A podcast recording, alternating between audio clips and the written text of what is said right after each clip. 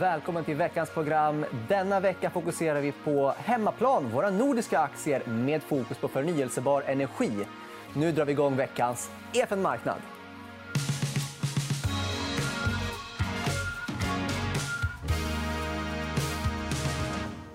Och för att prata förnyelsebar energi med bolag från Norden så har jag med mig Lotta Faxén från Lannebo. Varmt välkommen så mycket. Hej, hej! Hej, hej!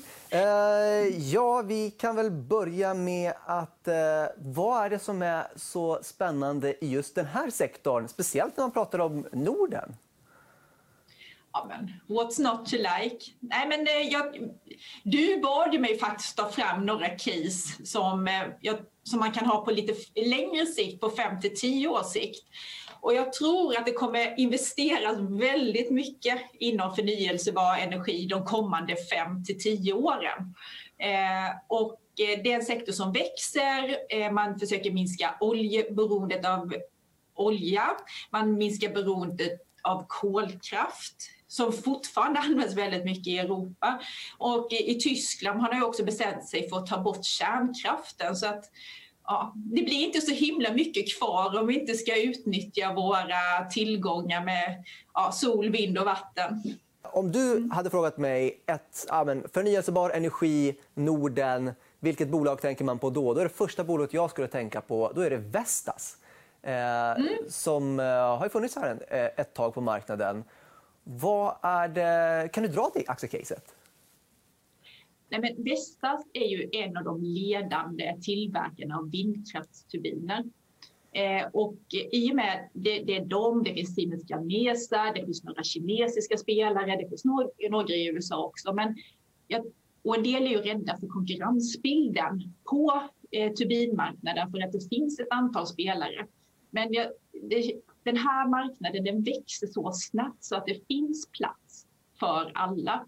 Eh, och nyligen så gjorde de ett förvärv i ett joint venture som de har haft eh, eh också. Så att nu finns man även på offshore. Eh, och offshore tror jag, tror jag, eller det ser man att det kommer bli den stora nya grejen. För det som, är, det som har varit motverkande lite på vindkraftsmarknaden, det är att alla vill ha vindkraft, men ingen vill ha vindkraften på sin egen mark och ingen vill se dem.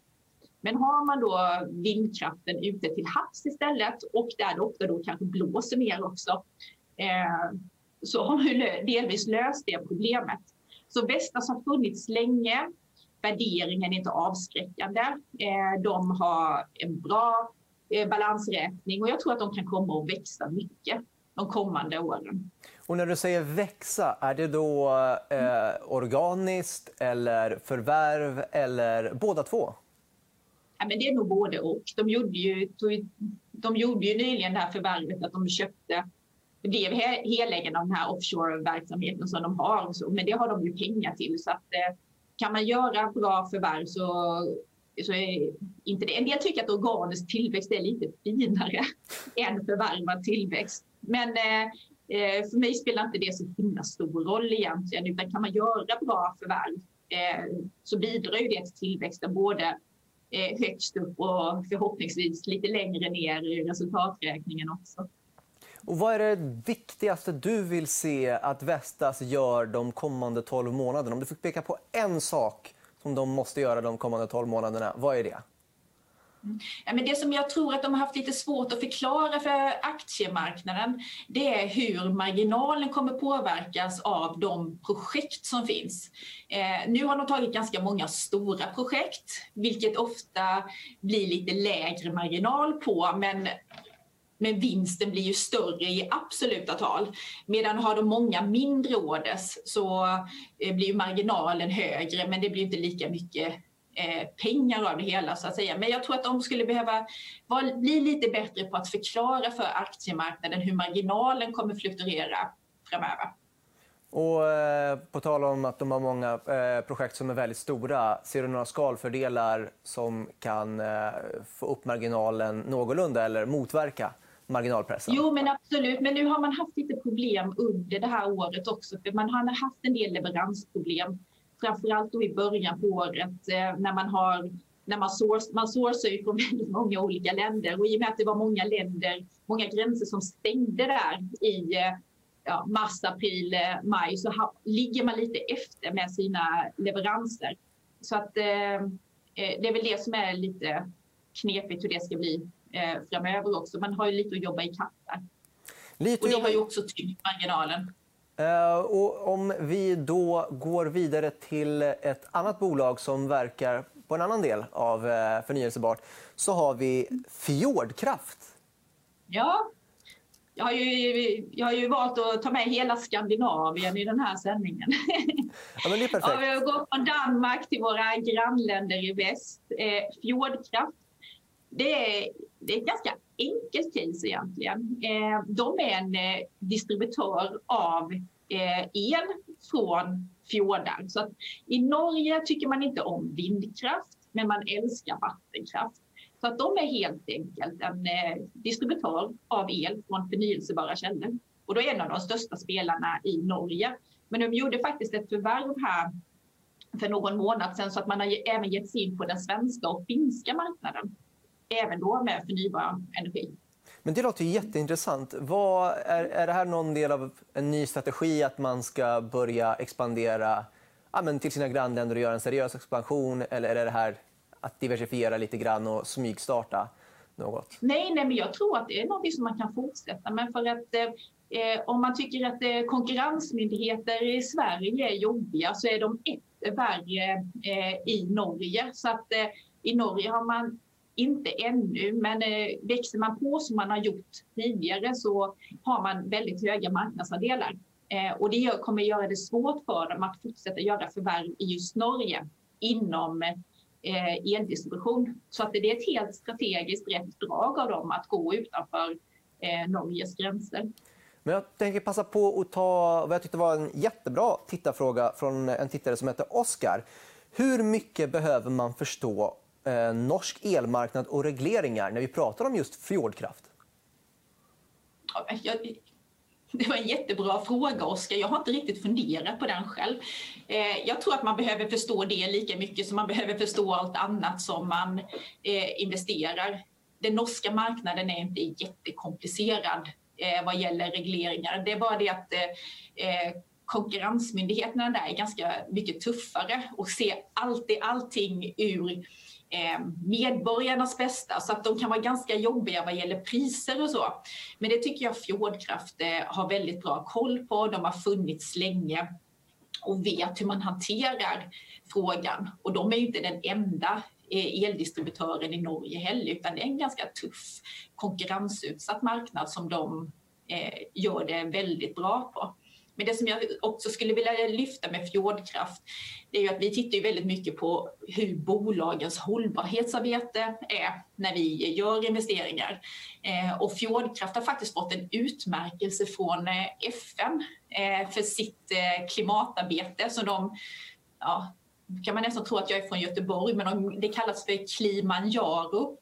Eh, och då jobbar man väldigt mycket med sina leverantörer i hur de arbetar hållbart och hur man försöker minska eh, deras koldioxidavtryck. Eh, och detta är en eh, Fjordkraft sitter i Bergen eh, och det har blivit så accepterat, deras eh, klimatarbete, att det används i ja, Bergens kommun så att man har man kan liksom sprida bra klimatarbete på olika sätt också.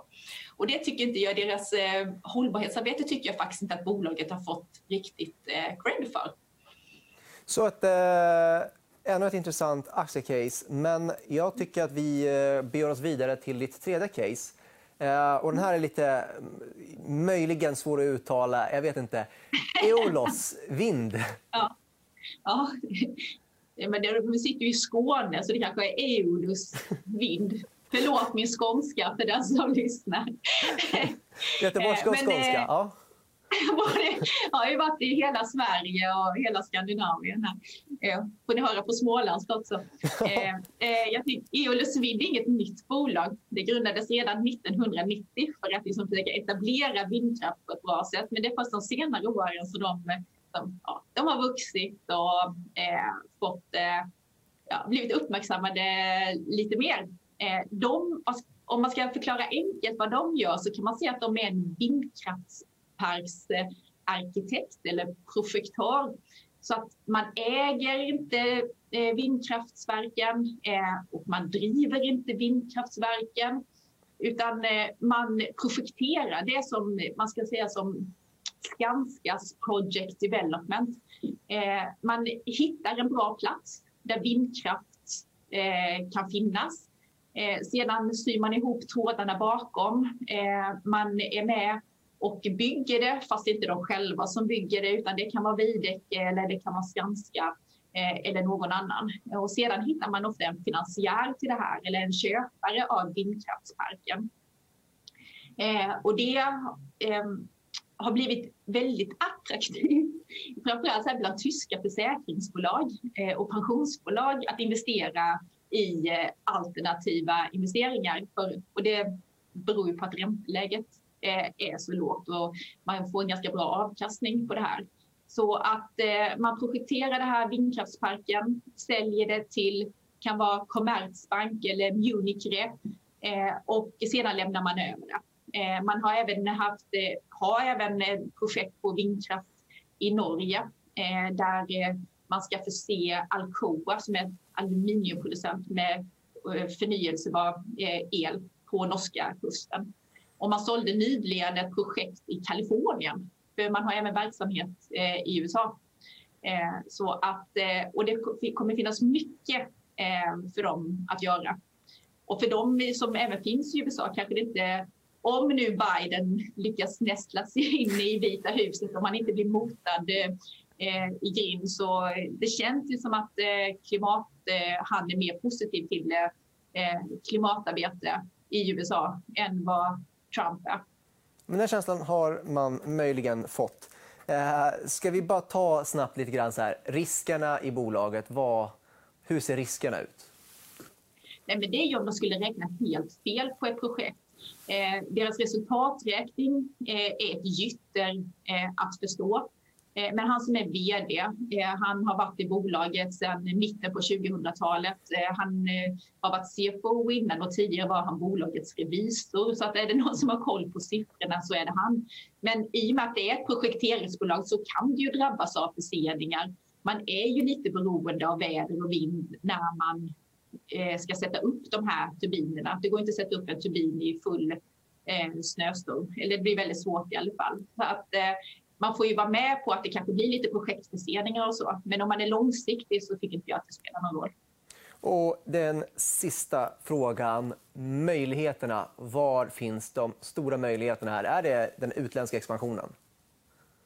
Eh, ja, men jag, ja, men jag skulle säga det. De har även eh, börjat med en del projekt i Baltikum också som jag tror kan vara eh, intressant. Eh, och det finns fortfarande väldigt, väldigt mycket att göra på den här eh, marknaden. Och man märker ju att fler och fler bolag, även i de traditionella oljeindustrierna, eh, börjar intressera sig mer för den här typen av eh, eh energikällor också. Jag tror att om man går in på Subsea 7s hemsida så är det första man ser ett eh, vindkraftverk eh, och inte någon eh, del till oljesektorn. Så att man har ju det hela tiden den här omställningen från olja till förnyelsebar. Så jag tror att de kommer kunna ha mycket att göra de kommande åren.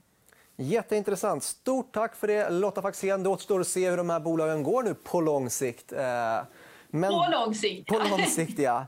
Det var det vi hann med i detta program. Ni fick med er tre superintressanta aktiecase och vi är såklart tillbaka nästa vecka på fredag. Vi ses då!